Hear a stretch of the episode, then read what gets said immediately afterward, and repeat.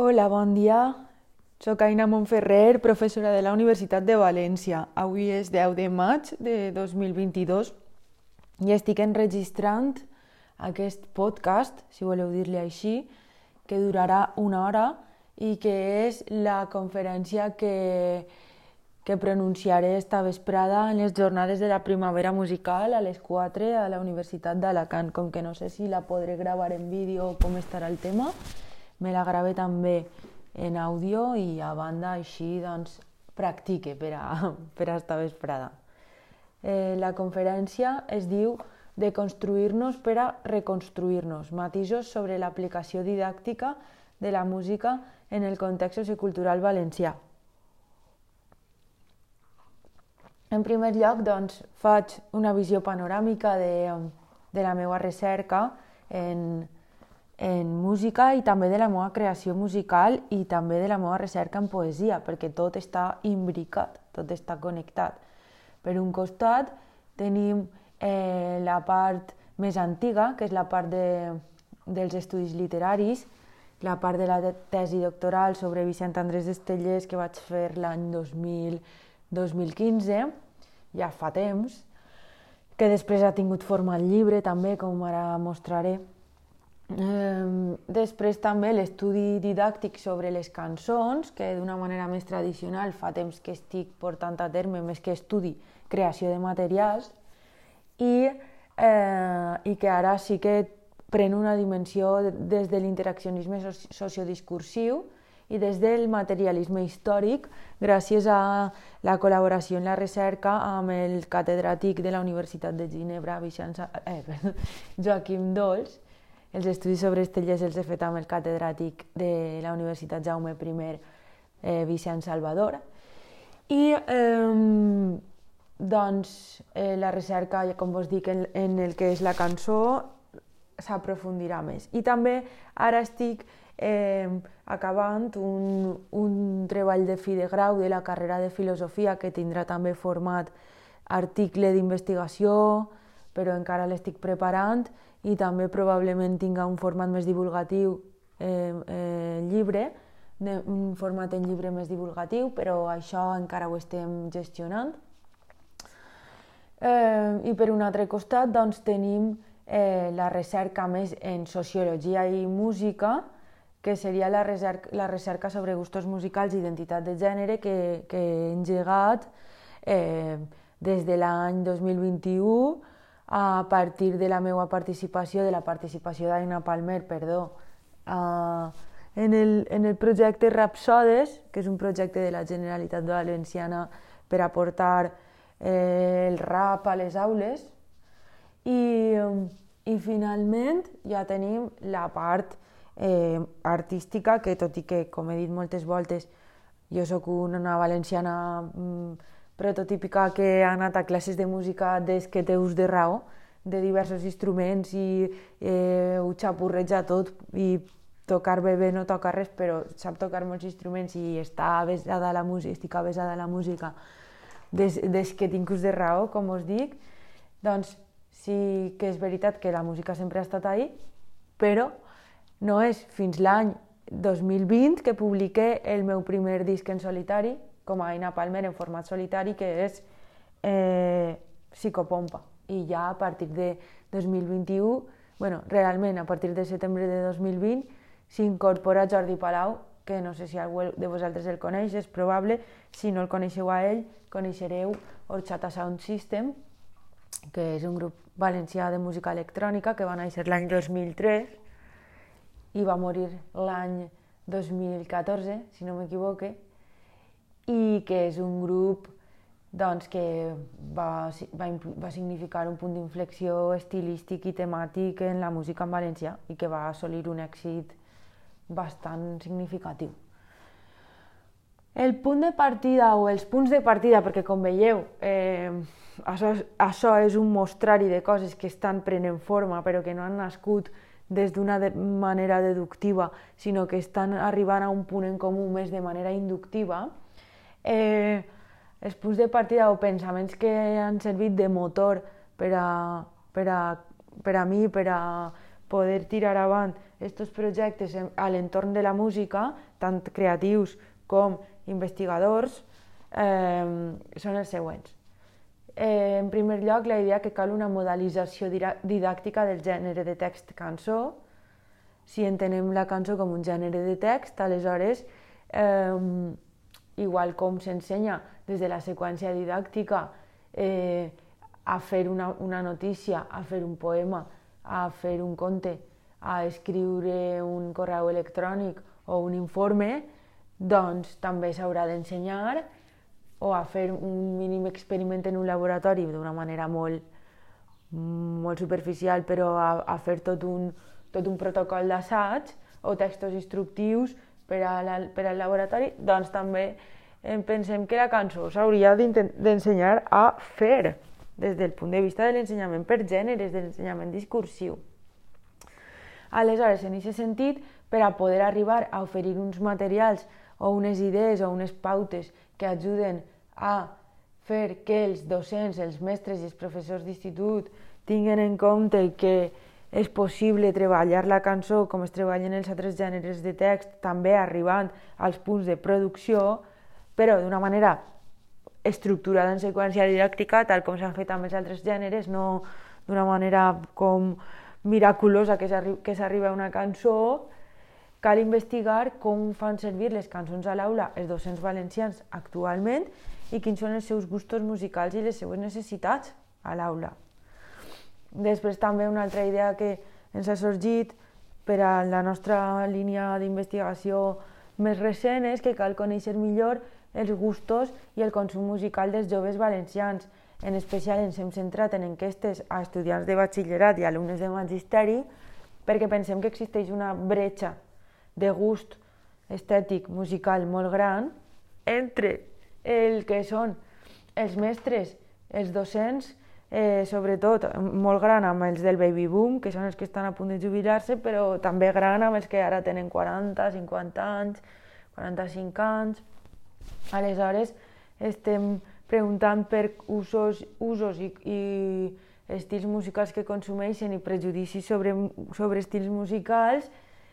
a, tant a estudiants de primer de batxillerat com a alumnes de primer de magisteri, per un costat, que porten passades unes 700 enquestes, i per un altre costat, les enquestes a mestres, que és el que començarem a passar ara, d'ací poquet, que ja estan fetes i tot, ara vos ho mostraré, al professorat de, mm, del sistema educatiu valencià, primari i secundari. És a dir, eh, a partir de l'escola valenciana ens ha dit que ens ajudarà, així que moltes gràcies, i, i passarem aquestes enquestes a tanta gent com puguem. És més, aquestes enquestes aniran encadenades amb enquestes que es passaran amb qüestionaris, qüestionaris anàlegs eh, a altres països, a, Portu a, perdó, a Brasil, a Bèlgica, al Quebec, és a dir, que tindrem una comparativa molt interessant internacional sobre usos de la cançó a l'aula per part dels mestres de diferents llocs del món i a partir d'ahir crearem uns materials des del context, des del marc del que des de l'interaccionisme sociodiscursiu de l'Escola de Ginebra es coneix com a enginyeria didàctica de segona generació. Um, què més? Cal revisar també per a poder-nos posar eh, amb una perspectiva completa a treballar amb, amb noves perspectives d'ensenyament de la cançó a l'aula, revisar l'ús que es fa de les cançons en els materials didàctics existents. I en aquest sentit hem trobat que hi ha cançons que ja, o autors que ja estan didactitzats i altres que estan per didactitzar. Este, eh, les musicacions d'Estellers, moltes d'elles ja estan didactitzades, algunes musicacions d'Ausias Marc també estan didactitzades, fins i tot alguna música de zoo ja està didactitzada, i altra música, o d'orxat, alguna cançoneta també es troba en els manuals, i altra música, sobretot està, molt, està més didactitzada eh, la poesia musicada i altres tipus de, tipus de música per diferents motius encara no estan didactitzats.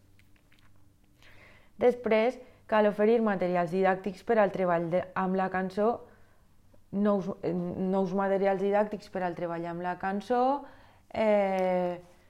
que partesquen dels interessos i de les necessitats dels docents en actiu. Això és el que anomenem enginyeria didàctica de segona generació, que és oferir uns materials didàctics però a partir de les necessitats i de les intencions i, de les, i del que vulguen els professors i mestres. Per a... Perdó que estic bevent cafè, m'he tacat i de tot per a qüestionar eh, la hipòtesi, el prejudici poc fonamentat que la música que escolten els joves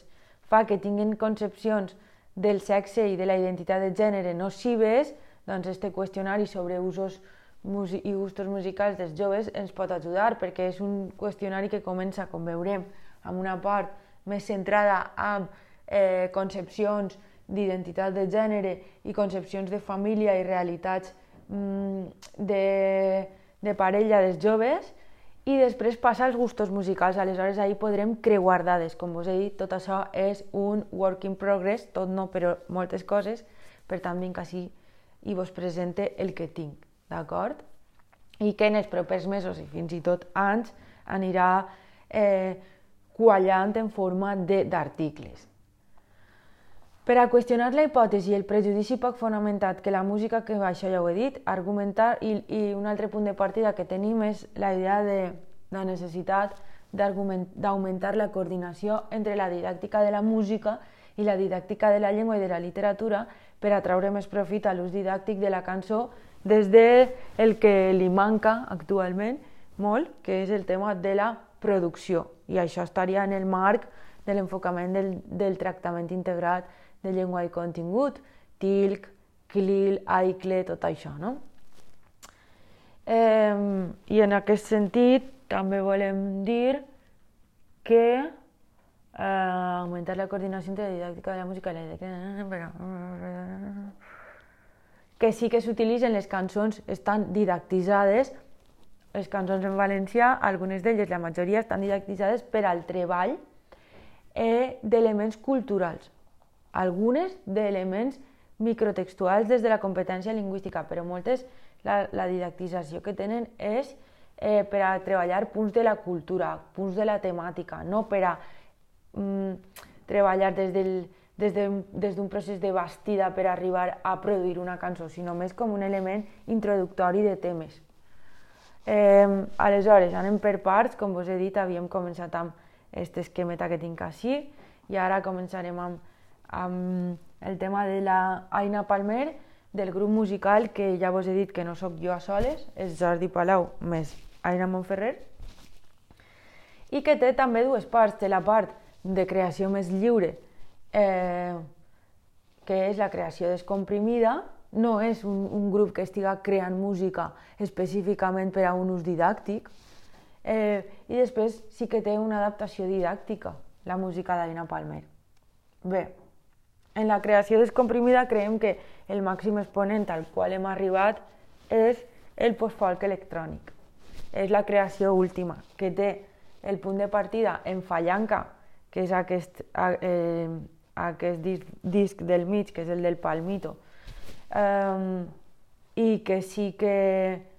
sí que té dues cançons que per a nosaltres ja enceten el tema del postfolk electrònic i que són, per un costat, Mareta, que fem una versió de, de la cançó de Bressol Mareta, una versió electrònica així amb un ritme, podríem dir, que, que recorda el reggaeton, tot i que no és un reggaeton. I també la cançó de Fusilao, pensem que va des, eh, cap al postfolk electrònic, perquè la tonadeta és, és com una tonadeta de rumba molt lenta, però la base és de trap, i la lletra és un poema real de Vicent Moliner Nadal, exalcalde de Borriana, que durant la República, Segona República, que va ser afusellat al, al cementeri de Castelló l'any 1942 i és un poema mm, esgarrat que escriu quan està empresonat a la presó de Castelló i que ja sap que, que, serà, que ha estat condemnat a mort i està esperant el moment que l'agafen i la fusellen. Aleshores és un poema de ràbia i, evidentment, bueno, no sé, per a alguna gent no serà evident, però des del punt de vista d'Aina Palmer, en traduir aquest poema que està escrit per un valenciano parlant en castellà, amb tota aquesta força del, del, del, seu, del seu ideolecte, de la seva expressivitat en aquest moment, traduir-lo al valencià, doncs a mi almenys em pareixia mm, perdre genuïnitat. Eh, aleshores, així tenim una, la, el màxim exponent de la, de la creació descomprimida d'Aina Palmer, que és el musical que hem fet de Solatge. El musical de Solatge, musical de Solatge, es pot veure en YouTube, el tenim penjat, si poseu Solatge Aina Palmer eh, vos eixirà, i si no poseu Solatge Aina Palmer musical i vos eixirà, i és una gravació en pla seqüència de tot el, de tot el que serien les visuals o el videoclip, si voleu dir-ho així, del, del disc Solatge d'Aina Palmer. Per què diem que és una creació descomprimida? Doncs perquè, eixim, perquè és molt performativa, eixim mig nuets, eixim eh, destruïts, eh, es, es mostra com una performativitat violenta, amb bengales, amb, amb objectes eh, deteriorats, eh, no és bonic, no està buscant la categoria estètica d'allò vell, està buscant una categoria d'un element deteriorat, d'un element, eh, com dir-ho, d'una poètica low-fi, amb pocs recursos, d'uns objectes bruts, foscos, trencats, perquè també una de les, des d'una dimensió més estètica hem vist que eh, la música, eh, l'estètica, l'estètica de la música en valencià, la posada en escena, la fotografia, el cartellisme, és molt blanc, molt net últimament. I això també per a nosaltres doncs, és, un, és, és una limitació, no? en el sentit que si tots fan el mateix, doncs eh, eh, perdem també riquesa. Si tot el món està, està fent les mateixes fotos i està eh, oferint una estètica igual, al final doncs està perdent-se riquesa, no? I, el, I al final és com un reflex d'una situació diglòssica en el sentit que mm, uns es copien als altres i, i existeix endogàmia estètica, no? Podríem dir. Això, doncs, eh, és una percepció més des, del, des de l'anàlisi visual del que és la representació en la música en valencià que sí que ha, ha sigut molt monolítica, no? des d'un de, des escenari amb una persona estètica que, eh, des de l'estètica del cantautor o la cantautora, sobretot el cantautor, passant a l'estètica de la banda punk rock basca, de tot, tot tios, eh, vestits de, de colors foscos, i amb, una, i amb uns moviments molt semblants, molt del punk rock basc, sense eixir-se'n d'ahir, tots vestits de negre, i després s'ha passat a... Després ara s'ha passat a una sèrie de grups, molts d'ells, que es vesteixen tots de blanc i fan unes fotografies davant d'uns un, fons, d'uns telons, d'uns un, cromes o d'uns fons blancs, i tot com molt eh, blanquejat, no? No, no sé com dir-ho. Mm, tenim la foto de, del diluvi, tenim la foto de, de Malux amb, amb Viena, de la cançó que tenen junts, tenim, tenim fotos així de la fúmiga, amb el tie-dye este de la robeta tota blanqueta, i doncs això sí que, sí que em sembla també doncs, una limitació, no? una imitació que limita. En aquest cas nosaltres anem per un camí totalment diferent, objectes deteriorats, eh, mm, destruïts pel temps, brut, brutea,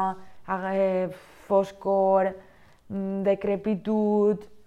perquè realment sí que és veritat que Solatge és un disc fosc perquè pensem que estem a, a, a les portes de temps foscos, tant polítics, l'any que ve són eleccions, com ecològics, com de guerres, com d'energia, és a dir, estem en un moment molt fosc. A partir de després de la Covid estan venint temps molt foscos. I volíem reflectir-ho en la música, en el dissolatge, també com a contrapunt, perquè veiem que eh, la majoria de grups estan fent intentem no mirar els grups en valencià per a no contagiar-nos de les mateix, dels mateixos clitxers, però al final ho acabes veient, no? Estan fent coses molt amb una estètica molt alegre, molt festiva, molt, fins i tot un poc infantilitzada, molt de bon, bon rotllet, molt pura, molt blanquejada, i nosaltres doncs, hem buscat una estètica perquè ens ha nascut també pel missatge que volem donar i que sentim pel pàlpit del zeitgeist que segurament està a punt d'arribar, eh, més fosca, no? I perquè també doncs, Jordi és artista plàstic i s'ha dedicat a recollir objectes des de fa molts anys de les escombraries de cases abandonades i els ha deteriorat al sol i teníem ahir un material estèticament molt atractiu i molt treballat i molt, i molt d'artista plàstic que no es pot aconseguir comprant un tobogan de la, un tobogan de l'Amazon per a fer un videoclip. No es pot aconseguir amb diners, s'aconsegueix amb temps i una idea de fons estètica molt clara que fa aconseguir uns objectes concrets, no per diners, sinó per un criteri estètic, art, estètic artístic a llarg termini. Després, eh, això seria la, el que és Aina Palmer més descomprimit. També doncs, Eh, ahir doncs, no tenim en compte un model de llengua estàndard, ni tampoc unes estètiques estàndard d'escenari, ni en els missatges que donem. Si fem punt, fem punt agressiu, si ens hem de clavar amb algú ens clavem, com en autoodi, i fem eh, un missatge descomprimit, sense pensar en Aina Montferrer, la professora de valencià, sinó Aina Palmer com un grup de música amb Jordi Palau que vol expressar un, uns, uns continguts, uns aspectes, uns temes, no? de manera lliure. Sí que és veritat que Aina Palmer té també tota una dimensió d'experiències didàctiques adequades i contextualitzades, però no, no només Aina Palmer, sinó també Aina Montferrer. Si entreu dins de la, si entreu dins de la pàgina web ainamontferrer.com, que és on jo oferisc materials i també didàctics per aprendre valencià i també mm, hi aglutine la meva recerca i altres coses, doncs dins de per a estudiants de València CUC2 tenim tasques amb cançons i aquestes tasques, com podeu veure, són totalment les prototípiques. Seria la típica didactització de la cançó, doncs des d'exercicis de clous, d'omplir buits amb paraules escoltant música, que ahí tenim, per exemple, el, el programa aquest eh, que, que ja té molta música en, en català, també en valencià, que, es pot, que és, és gratuït, que jo tinc així al mòbil però no recordo com es diu, espereu. El programa eh, es diu... o me l'hauré desinstal·lat. És este programa per anar practicant llengües eh, que és com un karaoke que van apareixent buits i tu els has d'omplir amb paraules. Després teu Després ho, ho, ho diré. D'acord. Bé, doncs a veure. Eh, ahir dins teniu des d'una activitat més cultural i, i de treball dels dialectes a través de les cançons, que és de fet la que jo vaig presentar per a ser professora dels lectorats de català i que li l'he passada a, a molta gent, la teniu ahir en públic. Després, també, doncs, els, eh, a partir de música de grups en valencià, el que us dic, tasques de close, d'omplir buits amb una paraula, que són després les que necessitareu, les que necessitareu per a, per a poder eh, traure-vos, eh, fer les proves de certificació, la comprensió escrita de C1, de valencià i de C2 i de B2, és molt semblant a això. Això seria una modalització, perdó, una didactització tradicional. Però després, últimament, a partir de Fallanca i a partir de de solatge dels dos últims discs, en què també en què és l'amor també hi ha alguna qüestió de psicopompa, hem elaborat pàgines web, eh, itineraris hipertextuals mitjançant la ferramenta Google Sites, un sobre què és l'amor, eh, a partir de cançons d'Aina Palmer, i l'altre sobre eh, el mal a partir de la música d'Aina Palmer. El primer, que és l'amor, es deriva del, dels tallers didàctics que van fer la, el curs passat per a instituts de Castelló, eh, i, que, i que van ser els que em van servir per a començar a passar també els qüestionaris sobre eh, gustos musicals i identitats de gènere, dels, qual, dels quals vos he parlat i vos en parlaré, i vos parlaré més avant. Um, I aleshores és un viatge a partir de... està ja molt redactat, és un viatge a partir de cançons d'Aina Palmer, eh, diferents tipus d'amor, l'amor amistat, l'amor familiar, l'amor a uns ideals, l'amor tòxic, l'amor, mm, com si diguérem, monista, universal, eh, i, i tot això es fa a partir de, del taller que de fet així teniu també l'enllaç a tot el taller gravat que van fer en el Raval. Està en vídeo gravat, però vaja, que a partir d'ahir apareixen aquests materials didàctics que sí que estan també en accés públic i que sí que sé que professores de valencià i de filosofia de secundària han utilitzat amb els seus alumnes. És una manera de fer un itinerari cultural significatiu en valencià. Està gratuït en internet. Vaig voler publicar-ho en un parell d'editorials valencianes i no, al final doncs no van voler, però ja sabeu que jo quan a mi no me volen publicar o passen de mi, jo ho publique d'una altra manera, ho deixen accés públic i ja està, i per a tots, perquè m'agrada més això que, que es quede podrit en un armari. El de Butonis a Trolls, el mal en el folklore valencià, és eh, l'adaptació d'una mena de concert-conferència que vam, que vam impartir o que vam actuar a Girona al mes de novembre en el Congrés de, de el, el Congrés d'Etnografia dels Països Catalans, universitari, que va, que va tindre lloc a, a Girona el mes de, al mes de novembre i que Aina Palmer vam anar a actuar i, i doncs això, vam fer aquesta actuació i teníem ahir eh, totes les cançons i anàvem, mm, perquè com que som un grup descomprimit, hem creat cançons a partir dels marges del folklore. Aleshores eh, hem anat tocant tots els pals del que es considera el mal en el folklore, que al final és el que socialment es considera tabú. I, i ahí teniu, doncs,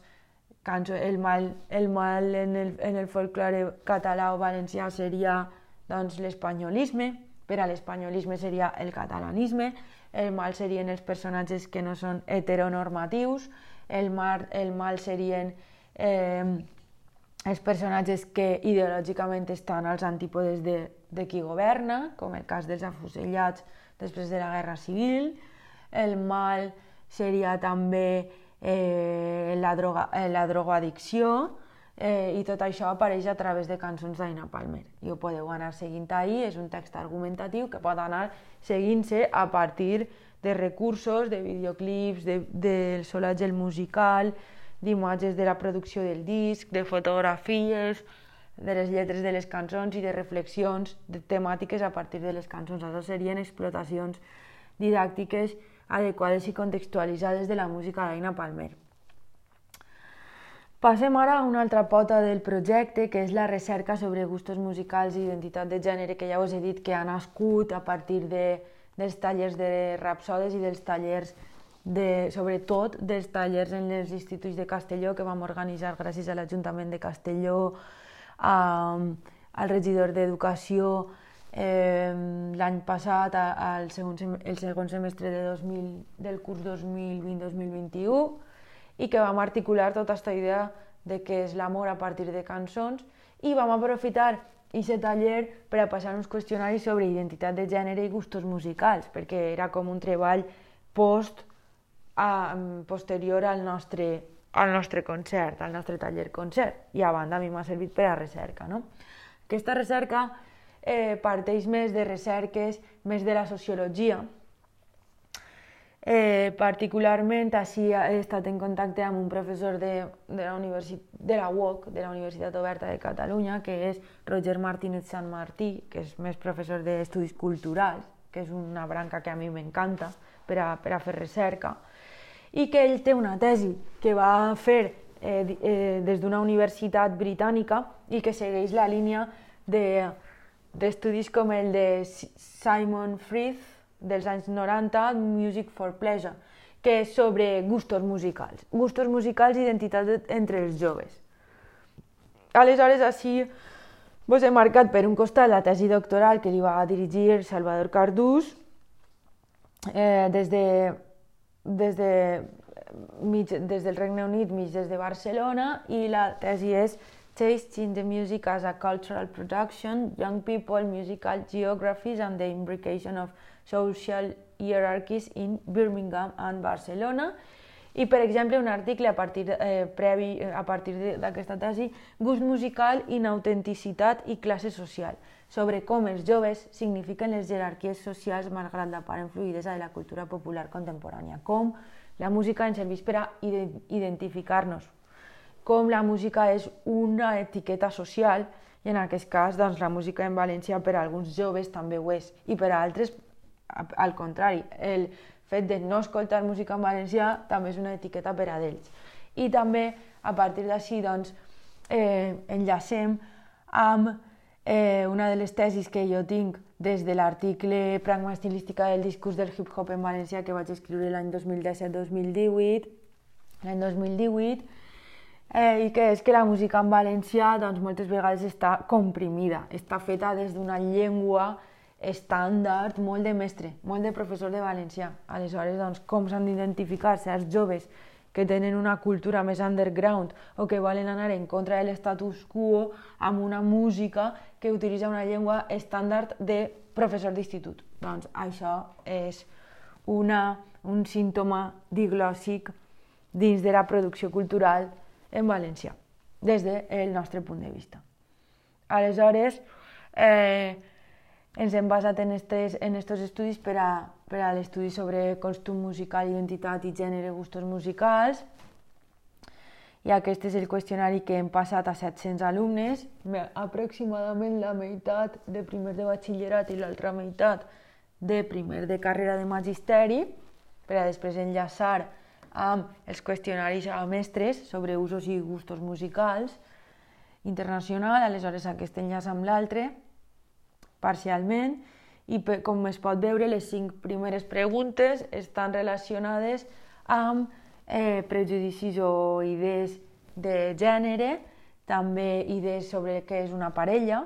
i també sobre com, com veuen la família, qui consideren que és la seva família i si hi ha música per a xics i per a xiques, però això ja vos dic que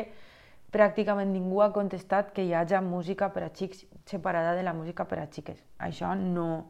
no ho creuen així. Després, la pregunta 6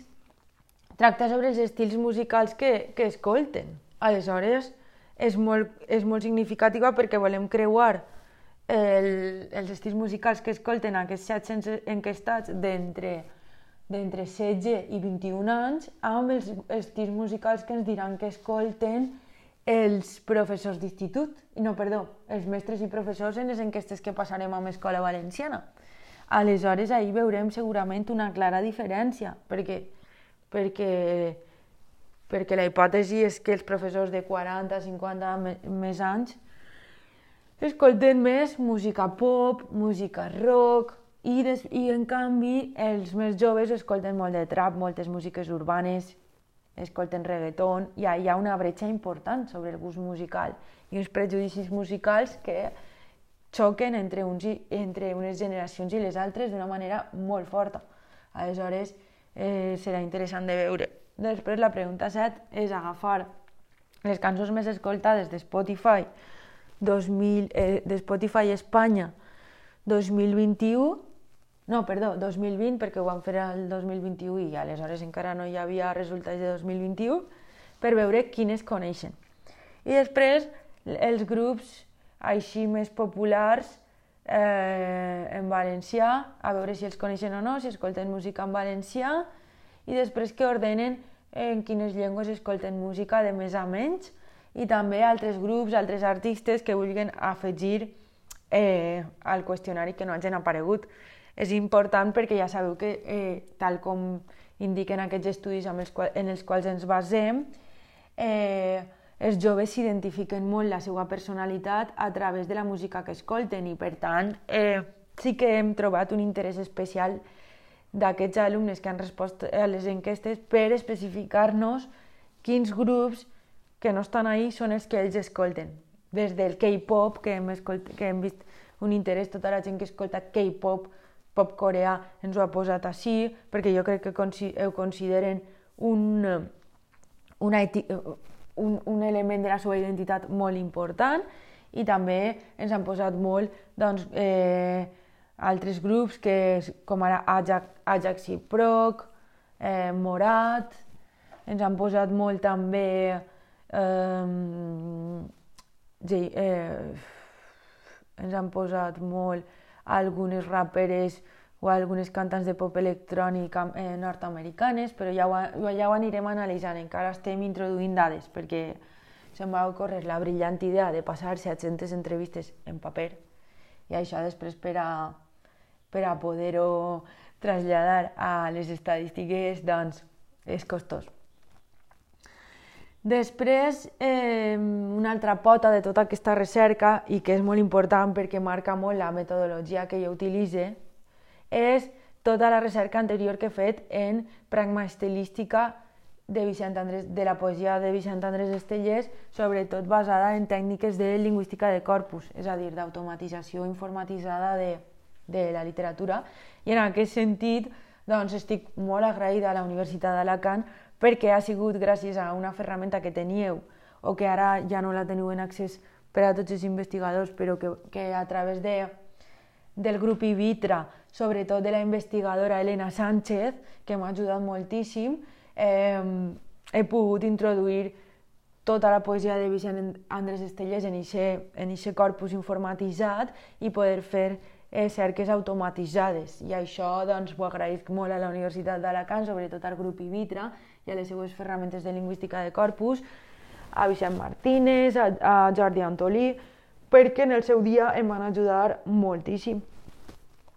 Després, eh, doncs sí, d'aquesta tesi sobre Vicent Andrés Tellers tinc doncs, la tesi que està penjada en TDX en PDF i que m'han dit que, que es consulta moltíssim, perquè clar, està tot en PDF i, i ja sabeu que Vicent Andrés Estellers és un autor dels de, dels de selectivitat, des de l'ESPAU, aleshores doncs és una manera molt útil de buscar recursos, informació sobre Estellers. I després tinc el llibre que he publicat amb Alfons el Magnànim l'any 2019 i que és com, una, com un resum de la tesi més enfocat a aplicacions didàctiques, tot i que també té tota la part de l'anàlisi pragma estilística, però molt resumida i que pot ser interessant per a professors també. Sobretot per a professors de batxillerat que ensenyen, que tenen a Estelles. Bé, per què ho dic això? Doncs perquè Sí que he utilitzat aquesta metodologia de la pragma estilística, que és anàlisi estilístic de, de la poesia per analitzar estilísticament les lletres de cançons en valencià. I això és realment el punt de partida d'aquesta nova recerca. Si jo abans era especialista en, en Vicent Andrés Estellers, doncs des del 2018 estic posicionant-me més eh, com a investigadora en estudis culturals, produccions culturals mm, de l'esfera de parla catalana, específicament valencians, i en aquest sentit, ara més centrada en l'estudi i la investigació sobre la música, i aquest article, Pragma estilística del discurs del hip-hop en valencià de 2018, és el punt de sortida, el punt de partida d'aquesta nova investigació, nova especialitat en la meva investigació i també en la meva creació. De fet, és anterior a aquest article al, al Psicopompa, a la meva creació en Aina Palmer. Per tant, tot dialoga d'una manera molt paral·lela, no és que primer fas música i després tu investigues sobre música, sinó que eh, ha anat tot molt, inter, eh, molt interconnectat des de sempre. Bé, doncs, en aquest treball hem de dir que ah, està en obert també en PDF, podeu descarregar-lo, podeu mirar-lo, a analitzar doncs, eh, clitxers o, o eh, elements temàtics que apareixen molt en, que apareixen especialment en, en les lletres del rap en valencià, sobretot centrat en, en grups com... Ai, els teniu, eh? Grups com Pupiles, i després també Zo, i Aspencat, i Atupa, i um, Arrap, i poc en horxata, molt poc en horxata, però després ja veureu que ara tinc una recerca en horxata bastant, bastant, bastant mm, prometedora en el sentit que li, li donaré una eixida en forma d'article i, i de llibre pront, pront relativament, quan puga. I, i les, algunes de les conclusions d'aquesta recerca temàtica d'anàlisi de les lletres de la música en valencià són, per un costat, que eh, existeix aquesta compressió en el model de llengua, perquè si el, el rap o la música de la cultura hip-hop naix com a música dels suburbis, dels barris de les perifèries, amb, un, amb una llengua argot, vulgar, eh, molt, molt slang, no? que es diu en anglès, doncs eh, en, en, això és, com si diguem, el seu punt de partida i origen, doncs en valencià s'ha deformat, o el que se suposa que hauria de ser el model de llengua d'aquest gènere musical, doncs no, s'ha adaptat a la llengua estàndard valenciana. Aleshores, ahir hi ha una contradicció, perquè estàs fent rap amb un valencià de llibre quan el rap a les perifèries de París, als banlieues de París o a, o a les perifèries de, de Chicago o de Nova York o d'on siga, doncs es fa amb una llengua molt vulgar i el, i el rap en valencià no s'ha fet en aquesta llengua vulgar en la immensa majoria de casos, poca gent l'està fent així, aleshores ahir veiem una incoherència realment amb el gènere musical en connexió internacional. Veiem la coherència amb la normalització del valencià, però no deixa de ser un context diglòssic i peculiar. Això per un costat, i després Eh, una altra de les, de les, de les tesis d'aquest treball és la idea del pleonasme reivindicatiu, que deixo ara en l'aire i que explicaré més tard. Bé, ara passe a explicar-vos l'estudi que estic fent sobre Orxata, el grup, des de l'art de context. Bé, doncs, no sé si ho sabeu, però estic a punt d'acabar la... No ho sabeu, perquè ho heu de saber. Estic acabant la carrera de filosofia per la UNED i estic preparant amb el meu director de tesi un treball de fi de grau que és un estudi sobre horchata des de la perspectiva de l'art de context. Què vol dir això? Doncs com un, un col·lectiu artístic, pugues, eh, que siga més d'arts plàstiques o més de música o més de literatura o del que siga, eh, interactua políticament amb el seu entorn. No? Aleshores, en aquest sentit, analitza i investiga quin, quina presència, quina importància o quin tipus d'interacció hi ha entre mm, la producció artística d'Orxata, no només musical, sinó també visual i, i de, molt, de moltes maneres, en merchandatge, en els directes, en el seu missatge. Eh, com interactua el missatge d'Orxata amb els missatges pre-15M. Perquè sí que és estratègicament, fins a quin punt Orxata es considerava una cèl·lula activista eh, de reivindicació de la revolució i del canvi de l'estructura social, no? dins de tot este mare magnum, d'este caldo de cultiu que va ser els moviments, que van ser els moviments que van eh, desembocar en el 15 de març de 2011, tot i que després van tindre com van tindre mm, un parell o tres d'anys en els quals van seguir eh, actives i, i, i, i participatives moltes d'aquestes reivindicacions, molts d'aquests col·lectius, però van anar a poc a poc apagant-se fins que el sistema va reabsorbir totes aquestes reivindicacions en forma de partit polític. L'any 2015, Pacte del Botànic, eh, entra a governar eh, i, i allà entra a governar autonòmicament i estatalment l'esquerra, i aleshores es dilueixen els moviments del 15M i al mateix temps es dilueix Orxata perquè perd sentit, perquè Orxata no està contenta amb el, seus, el seu modus operandi i, el seu, i, i la seva necessitat d'existir està en contradicció amb, una, mm, desbraf, amb un desbrafament, amb una eh, reabsorció de tots aquests moviments que volien realment canviar el funcionament de la societat però que se van quedar com reabsorbits per part, de, per part del, del, del sistema polític. I aleshores per a Orxata, com per a molts altres moviments, això va, ser, va significar que, no, que la revolució, que el canvi no havia arribat a fer-se del tot i aleshores es van quedar en estat d'hibernació i estan en estat d'hibernació. El nostre estudi, aquest estudi, Bé, parteix de molta bibliografia diferent, però sí que és veritat que té un punt de partida que, que hem utilitzat molt, sobretot per a l'anàlisi temàtic i estilístic de, de les lletres d'Orxata, que és el treball de 2017 de Carla González Collantes i Maria La Cueva, que també participen en aquestes jornades de 2017, Orxata Sound System, música local, llibre, col·lectiva i cooperativa, que és una anàlisi doncs, de, sobretot de les temàtiques i de i que parteix d'Orxata i que parteix d'una entrevista a Carles Via. No? Doncs el meu treball es nodreix de tota aquesta informació i es complementa amb informació amb una entrevista en profunditat a Jordi Palau i a banda doncs, no està tan feta des d'un punt de vista més mm, d'estudis culturals i d'anàlisi així més general, sinó que agafa tot el, tot el paradigma del que és l'art operacional, que és un paradigma que ve de, de la guerra, que ve de, del llibre De la guerra de Clausewitz, que va ser un militar, un militar rus de, del segle XIX, i de totes les estratègies de la guerra de guerrilles i de les estratègies que han fet servir, sobretot molt bé, els militars russos, i tot això està pensat abans de la guerra d'Ucraïna, ara pren un significat que no és el que realment té des del nostre punt de vista, de poder guanyar des de la metàfora de David contra Goliat, com un exèrcit xicotet, com gent amb pocs recursos, guanya la guerra a un exèrcit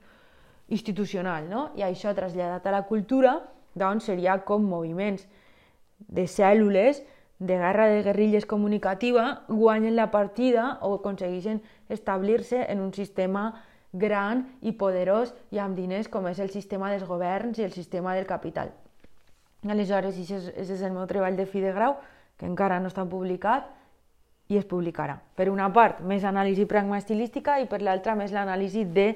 el col·lect del col·lectiu Orxata en el context del moviment, dels moviments del 15M des de l'art operacional. I l'anàlisi pragma estilística ha sigut una de les metodologies que han acompanyat a obtenir les conclusions que, que hem obtingut en aquest treball i que són que sí que realment Orxata té molt clar la tàctica, l'estratègia i l'operacionalitat del que fa des del principi i que sap utilitzar molt bé els mitjans de comunicació i que sap imbricar i que és, realment és un manual d'instruccions de l'activisme i del ciberactivisme que, ha, que va contribuir a educar en l'articulació de moviments i en com associar-se i en com funcionar de manera eh, sense un líder, però entre tots els moviments per a contribuir a, a una a les acampades del 15M i a intentar canviar el món des de baix, doncs va contribuir Orxata com un manual d'instruccions amb les seues lletres. Eh, I que realment estava tot molt, orquest, molt més orquestrat del que, del que puga aparèixer. Després, eh, l'estudi didàctic, ara ens centrarem el temps que queda amb l'estudi didàctic sobre les cançons, que estem fent ja des de l'interaccionisme sociodiscursiu. Bé, jo he estat tres mesos, els últims tres mesos a la Universitat de Ginebra, treballant amb el professor Joaquim Dols i amb altres professors del grup GRAFE, de la, del grup de recerca en llengües i interaccionisme sociodiscursiu, des del punt de vista dels gèneres discursius, de l'enginyeria didàctica de segona generació, de les seqüències didàctiques, juntament amb Florent Biau del Quebec, amb Elodie Auger de, de Bèlgica i amb Gustavo Lima de la Universitat eh, Agreste de Pernambuco, en Brasil, i hem estat elaborant doncs, tot aquest eh, aparell o aparat eh, d'investigació sobre l'estudi de les cançons, que és molt ambiciós. Bé, a, a, a, per a començar doncs, hem revisat molta bibliografia i així vos deixo algunes lectures que com a mm, apassionats de, de la música en valencià o de la música en general o de la música que s'ha fet en el nostre al nostre territori doncs us poden interessar. Algunes, no estan totes, però eh, ens hem basat bastant en aquestes lectures, en En èxtasis d'Oleaque, en la cançó en valencià de Fred Xina i en el llibre de la nova cançó de Lluís Meseguer, però també en altres textos, com ara el monogràfic de, de cap lletra de la tardor de 2002 sobre arts escèniques eh, en els territoris de parla catalana, sobretot en l'article de Messeguer i en el de Joan, Joan Elias Adell. El de Joan Elias Adell és molt interessant per, pel que fa a les representacions de la música en directe, què signifiquen i, i tot això. El de Messeguer és important per al gènere cançó. I després, doncs, altres, la tesi, una tesi doctoral sobre mm, sobre les cançons de Bressol, que també hem revisat, que n'hi ha un parell de tesis doctorals en aquest sentit, una dirigida per Carme Lluc i feta per un, per un Vicent Garcia de la Vall d'Uixó, no sé si es diu Vicent Garcia, però si no es diu Paregut, perquè tot el món es diu Vicent Garcia. Um,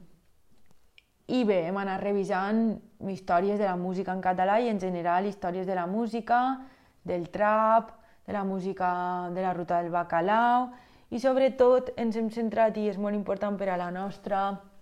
per al nostre enfocament de la revisió de l'estudi de la cançó per a poder fer aplicacions didàctiques, l'enfocament de Stefan Hirschi, que és un investigador francès que ha investigat des del que ell anomena cantologia, que és com l'estudi de les cançons, i que estudia la, la cançó com a gènere de text, que és el punt de partida que nosaltres tenim en aquesta recerca de la cançó sobre, des de l'interaccionisme sociodiscursiu i que doncs, eh, justet ara el 2022 s'ha publicat Chanson, Chanson entre, entre langue, revolte, sub, revolte et, subver, et subversion, eh, en el qual, curiosament, hi ha articles de, de Joaquim Dols, Stefan Hirschi, d'André Conforte, que és un altre investigador de la Universitat de Rio de Janeiro amb qui estem en contacte. I doncs eh, esta gent estudia la cançó com a gènere de text i també des de l'estilística. Per exemple, en aquest últim llibre de la dreta hi ha un, un article de Joaquim Dols i d'André Conforte que és sobre el gènere metasamba, és a dir, reflexions metalingüístiques, metadiscursives dins de les lletres de la música samba. Aleshores, això és molt curiós perquè justament jo en la meva tesi doctoral sobre Estellers vaig estudiar el recurs a la metadiscursivitat, el recurs metalingüístic en, en la poesia d'Estellers. Realment és molt paregut, molt comparable. I puc utilitzar tot el paradigma que ja coneixia per aplicar a l'estudi de les lletres de cançons. Però alerta, perquè no ens volem quedar un dels objectius d'aquesta recerca és que no ens volem quedar en l'estudi de la cançó com a l'estudi de la lletra de cançó, sinó que volem anar un poc més enllà i estudiar interrelació entre la part musical i la part verbal de la cançó i la producció musical, no només a partir d'elaborar de, una lletra de cançó com un poema, sinó intentar tot el que siga possible que la part musical i la part de les lletres estiga siga activa, es faça com una producció activa o almenys s'intente. Mm. I aquest seria un poc el context. I la, algunes hipòtesis de la nostra recerca són que una cançó no és exactament un poema, sinó que té una entitat pròpia com a gènere de text, que la cançó es treballa a l'aula d'una manera clàssica i parcial, que la música en valencià s'ha centrat molt en la nova cançó i en els poemes musicals quant a la seva presència a l'aula, en els poemes musicats per una qüestió de, de formació sociolingüística. Eh, en realitat fa molt poc que s'ensenya que el valencià s'ensenya a, a les escoles, aleshores aquesta reivindicació de la llengua encara és molt, molt important, com ens, com ens explica Manel Pitarc en l'entrevista que li fem. Eh, una altra hipòtesi és que, mm, que la cançó no és un gènere, sinó un macrogènere que conté molts gèneres dins, dins seu. Eh, després, una altra hipòtesi, un pressupost teòric, és que eh, les regularitats de la cançó venen d'una sedimentació històrica i per això cal estudiar la historicitat de la cançó en parla catalana, però també internacionalment, centrant-nos en publicacions sobre la nova cançó, com la de Messeguer, sobre la cançó popular, com les tesis doctorals sobre les cançons de Bressol, com les investigacions que hi ha fetes sobre el cant d'estil, tant valencià com mallorquí, Clara Fiol, per exemple, ha treballat el cant d'estil mallorquí, eh, és un membre de, de Marala, Clara Fiol, i també l'hem entrevistada. Una altra hipòtesi, que és la 5, que és que a l'escola es treballa més la recepció de la cançó que la producció, com ja hem dit al principi, i una altra, doncs, que en el qüestionari que passem als mestres hi predominarà la tria de les cançons que volen utilitzar amb els seus alumnes pel que fa al contingut temàtic que no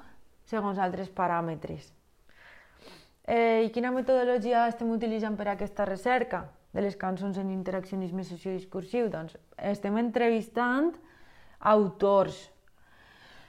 autors de lletres de cançons en diferents sentits. Eh, hem entrevistat Manel Pitarc, que és un poeta eh, que ha estat musicat,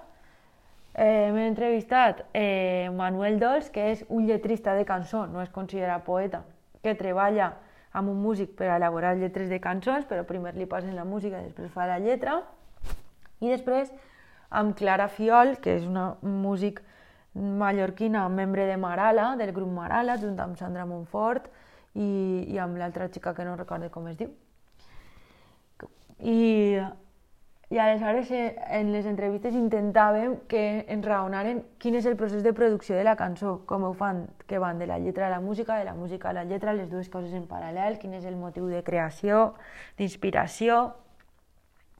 quins referents tenen en aquest tipus de crea eh, per a crear músiques, referents de bones pràctiques, coses que no els agraden, i els qüestionaris que ja us he dit i la recerca bibliogràfica. Doncs, eh, així tenim els objectius, més o menys ja ho hem, ja ho hem anat dient, estudiar la cançó des del punt de vista històric, partir de pràctiques ordinàries dels docents per a veure com fan servir la cançó, gràcies als qüestionaris, combinant quatre països diferents. Eh, eh, després també tot això perquè ho estem fent, perquè en una tercera fase eh, de la recerca en enginyeria didàctica de segona generació que farem a partir de recollir totes aquestes dades del, del que volen els mestres o el que fan amb les cançons, els regalarem materials didàctics per al treball de les cançons, però els dissenyarem a partir de les seves necessitats i opinions i, i idees. Això és el que es diu enginyeria didàctica de segona generació. Aleshores, el gènere cançó és un macrogènere i que i la, és una macrofamília de gèneres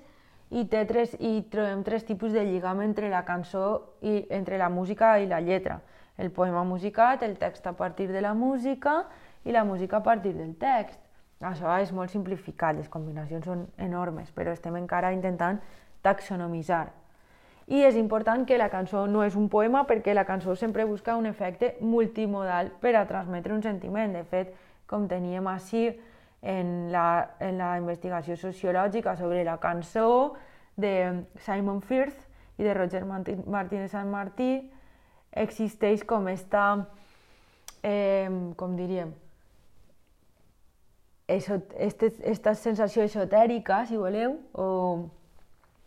esta mitificació de la música, no? que, que, pens, que els fans de la música pensen que, que l'experiència musical es produeix per una cosa especial, que no està en les lletres, que està en, en la música mateixa, no? Que els fans del pop eh, tenen com, com una manera estètica d'escoltar la música, que pensen que hi ha una ànima dins de la música que és el que ens fa que la gaudim, d'acord? Però no se sap fins a quin punt és així, si després doncs, anem, entre cometes, com a borregos a consumir la mateixa música tots. Aleshores, doncs, però la sensació de qui es considera identificat eh, identitàriament amb la música és com que hi ha un, que, un quelcom de màgic, d'ànima de, de la música que ens connecta i ens fa entrar com en un trance, no? En, una, en un trànsit, que en valencià no tenim paraula per a dir trance, trance, és trànsit, però per a mi trànsit no acaba de ser el mateix que trance. Aleshores, eh, si parlarem de la historicitat de la cançó, que no podem parlar perquè no tenim temps, eh, parlaríem del materialisme històric, des del materialisme històric, que ja sabeu que té com a màxim referent a Marx, però bé que Broncart, des de l'Escola de Ginebra, ha seguit aquest materialisme històric. La música ha pautat pràctiques socials, al camp, a la mina, a la mar bogant, eh, en contextos de, de marxes militars, per a dormir a un xiquet, per a per, a, per al joc, des de les cançons de rotllana dels xiquets fins a les festes de verbena, la dansa i els rituals de seducció i de preaparellament, i de rituals religiosos i místics que fan entrar en un trance a través de la música, els psicopoms, les psicopompes utilitzen la música per a crear aquest estat de comunió inconscient, de trance, individu tant individual, en la meditació, per exemple, s'utilitza, com grupal, i ahí tindríem des de un, des d'un ritual sincrètic de prendre ayahuasca, per exemple, fins a, un, fins a, un, fins a una sessió d'un DJ en una rave, en una rave, o fins i tot també eh, fins i tot també en, en la música gospel de les esglésies mm, de certes tradicions que utilitzen la música també per a comunió, per a entrar en comunió. Això seria abans de la reproductibilitat tècnica i després sí que a partir que la música pot ser enregistrada, doncs cada suport va condicionant les dimensions, la llargada de la música i aleshores al final arribem al, al gènere cançó però que té un condicionant pre, pre reproductibilitat tècnica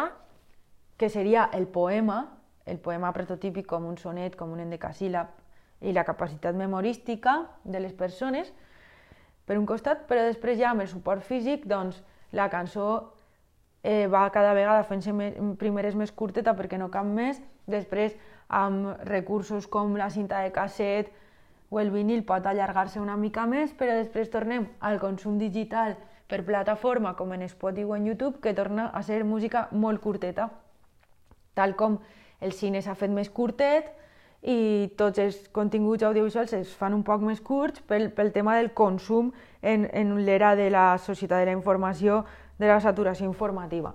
Bé, tot això està per escriure, així tenim els qüestionaris per als mestres, el qüestionari català, valencià, el qüestionari de Bèlgica i de Quebec el qüestionari portuguès, que si, si voleu i si tenim temps eh, podem observar la tria que, que hem fet en cada cas de les cançons, però per a la tria hem utilitzat els següents criteris per a, per a triar 10 cançons que estiguen polaritzades, que puguem trobar com, una, com, un, com uns extrems entre les característiques d'aquestes cançons per a després poder extraure conclusions sobre quin tipus de cançó o quina característica predomina a l'hora d'escollir de, les cançons que utilitzaran a l'aula en els mestres que responen els qüestionaris, tant valencians com canadencs, com belgues, com, com, port, com brasilers. També les entrevistes semiestructurades han estat fetes a Clara Fiol, a Manel Pitarc, a Manuel Dols i a André Conforte i seguirem fent de més. Aquestes són les preguntes que els hem fet, sobretot són preguntes que van enfocades a esbrinar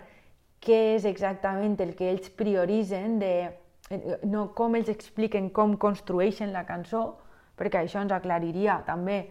a la millor processos didàctics per a crear una cançó diferents, quina interacció hi ha entre la música i la lletra, què és una cançó, diferència entre cançó i poema i quins són els motius de creatius que utilitzen. Sobretot en el cas de Clara Fiol va ser molt interessant la qüestió del, de com crea, construeix a partir del folklore i com s'ha hagut de, de, de desconstruir de, de la seva formació clàssica i en música jazz per a poder interactuar o utilitzar el folklore de manera lliure per a la creació. Després, eh, i ja per acabar algunes reflexions. Després deixarem torn obert de paraules, però és que això és infinit, xiquets i xiquetes. És que això és infinit. Eh, algunes reflexions. Existeixen prejudicis, les que ja he dit les saltaré, d'acord? Aniré només, les votaré, només miraré les que toquen. S'ha creat una bretxa important entre els gustos musicals dels docents i els alumnes i jovens estudiants de batxillerat que provoca incomprensió entre, entre els dos mons i si hem de crear materials didàctics amb música, doncs haurem de conèixer millor aquesta diferència. Després també que el cànon de la música en valencià arrossega els patrons estètics de la nova cançó, després que el cànon de la música en valencià també arrossega un reduccionisme estilístic i estètic des dels, eh, dels 90 i dels 2000, des de la nova cançó fins al punk rock ska basc. Eh, després també que aquest reduccionisme ha conduït al prejudici que la música en valencià com a tal és un estil, com per exemple en aquest tuit d'Anna Polo de la polèmica que Spotify, quan trau les estadístiques anuals, posa eh, reggaeton, flamenco, mm, mm, pop, no sé què, i posa música, música en català com un gènere, quan no és un gènere, és una llengua, tu pots fer qualsevol tipus de música en una llengua, però dir que un, un estil musical és tota la música que es, tota la música que es fa en una llengua, doncs implica diglòsia. Després també el que, va, el que va representar el fenomen ruta del bacalao, que d'alguna manera va saber captar d'una manera molt precoç tant Joan Manuel Oleà que des de l'acadèmia com Orxata Sound System des de la creació artística. Eh, més reflexions existeixen actualment en la intel·lectualitat valenciana prejudicis eurocèntrics envers les músiques llatines, que realment són folklore com, com ho són les, el folklore propi, però d'altres llocs, que és un poc el que tractaran d'explicar en Gent Random demà. Eh, també que existeix una contradicció eh, entre l'estil musical i el registre de llengua utilitzat en les músiques urbanes en valencià, un valencià molt d'escola per, a, per a estils musicals molt underground, i que existeix en general un desbrafament o una compressió en el model de llengua utilitzat en els estils musicals, això ja ho he dit, i que això no deixa de ser diglòsia des del nostre punt de vista, que Aina Palmer no és Aina Montferrer, sinó que és una creació des descomprimida i Aina Montferrer és la investigadora i en Aina Palmer està el Jardí Palau. Aina Palmer és la cara B d'Aina Montferrer, no s'han d'agarrar les opinions i les crítiques i les reaccions violentes que apareixen i performatives en la, en la música d'Aina Palmer com a identificacions autobiogràfiques o personals d'Aina Montferrer, sinó que són coses diferents i si algú no ho entén, doncs és el seu problemeta i que Aina Palmer intentem ser un projecte creatiu descomprimit, no tamisat per la funció didàctica, com sí que passa amb molta música en valencià. Sí que es troba esta cadena evolutiva que ja ha captat Fretxina i han captat altres autors d'evolució de la música en valencià, però que no deixa de ser monolítica, nova cançó rock, punk rock basc, electrònica, tot i que té excepcions. Així posava un exemple, una anècdota de, típica que a vegades Aina Palmer pensem cançons, evidentment hi ha faltes d'ortografia perquè Aina Palmer no és Aina Montferrer de mica en mica, i perquè primem la genuïnitat i, i la col·loquialitat a la norma, però així tot encara hi ha, sobretot saben ser senyors, que em corregeixen o ens corregeixen l'ortografia i la norma en les lletres d'Aina Palmer. Evidentment que sé escriure bé, em dedico a això, em paguen per això, però és que Aina Palmer em negue a, a banda, haver de seguir l'estàndard valencià i farem el que ens doni absolutament la gana experimentant utilitzant llengua vulgar, utilitzant el multilingüisme amb flexibilitat i provocant. Després també així teníem hipòtesis sobre el, el que vos deia del pleonasme reivindicatiu, que és aquesta idea que si, si, si tens un grup tot de dones que estàs fent música, ja estàs sent feminista. Si a banda això li poses en totes les teues lletres proclames feministes, doncs queda un poc pleonàstic, no? una repetició del contingut amb la forma, que probablement no siga necessària no? i que no deixa de mostrar també un, una diglòsia aplicada a, al feminisme, no? o el mateix, el mateix passa amb la reivindicació lingüística. Si tu estàs fent música en valencià, ja estàs reivindicant el valencià en la música, eh, eh, en els espais públics. Mm, si tu a una música en valencià et dediques a repetir eh, estimem la llengua, eh, parlem en valencià, eh, la llengua a les escoles, no sé què, ja ho estàs fent, ja ho estàs dient tot això amb el simple fet d'expressar-te en valencià en la teua música. Aleshores no deixa de ser un cert pleonasme reivindicatiu,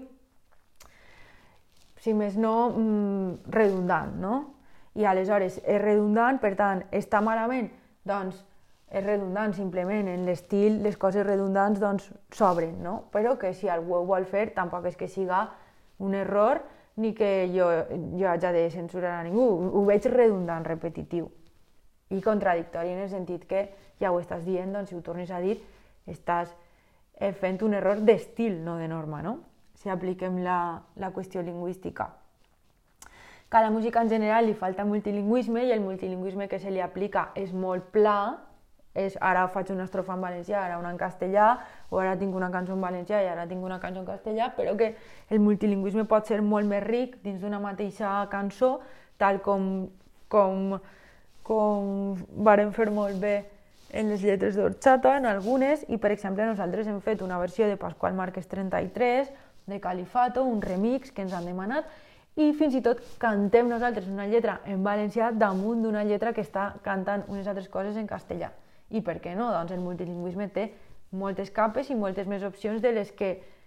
eh, s'estan utilitzant per ara en la música en valencià per a, per a explotar. No? El mateix passa amb el folklore. La ferramenta folclòrica és com, un, com una rajola per a construir no? una cançó. Aleshores,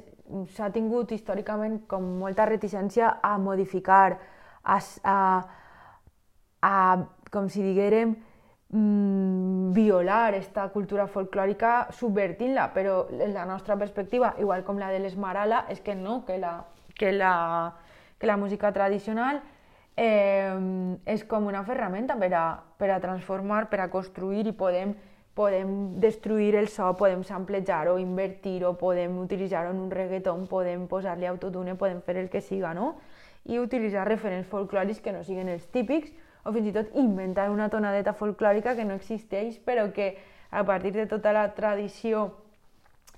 de tota la informació melòdica que tenim del folklore, podem construir nou folklore sense que existisca, no? Aleshores, ahir s'han de forçar i experimentar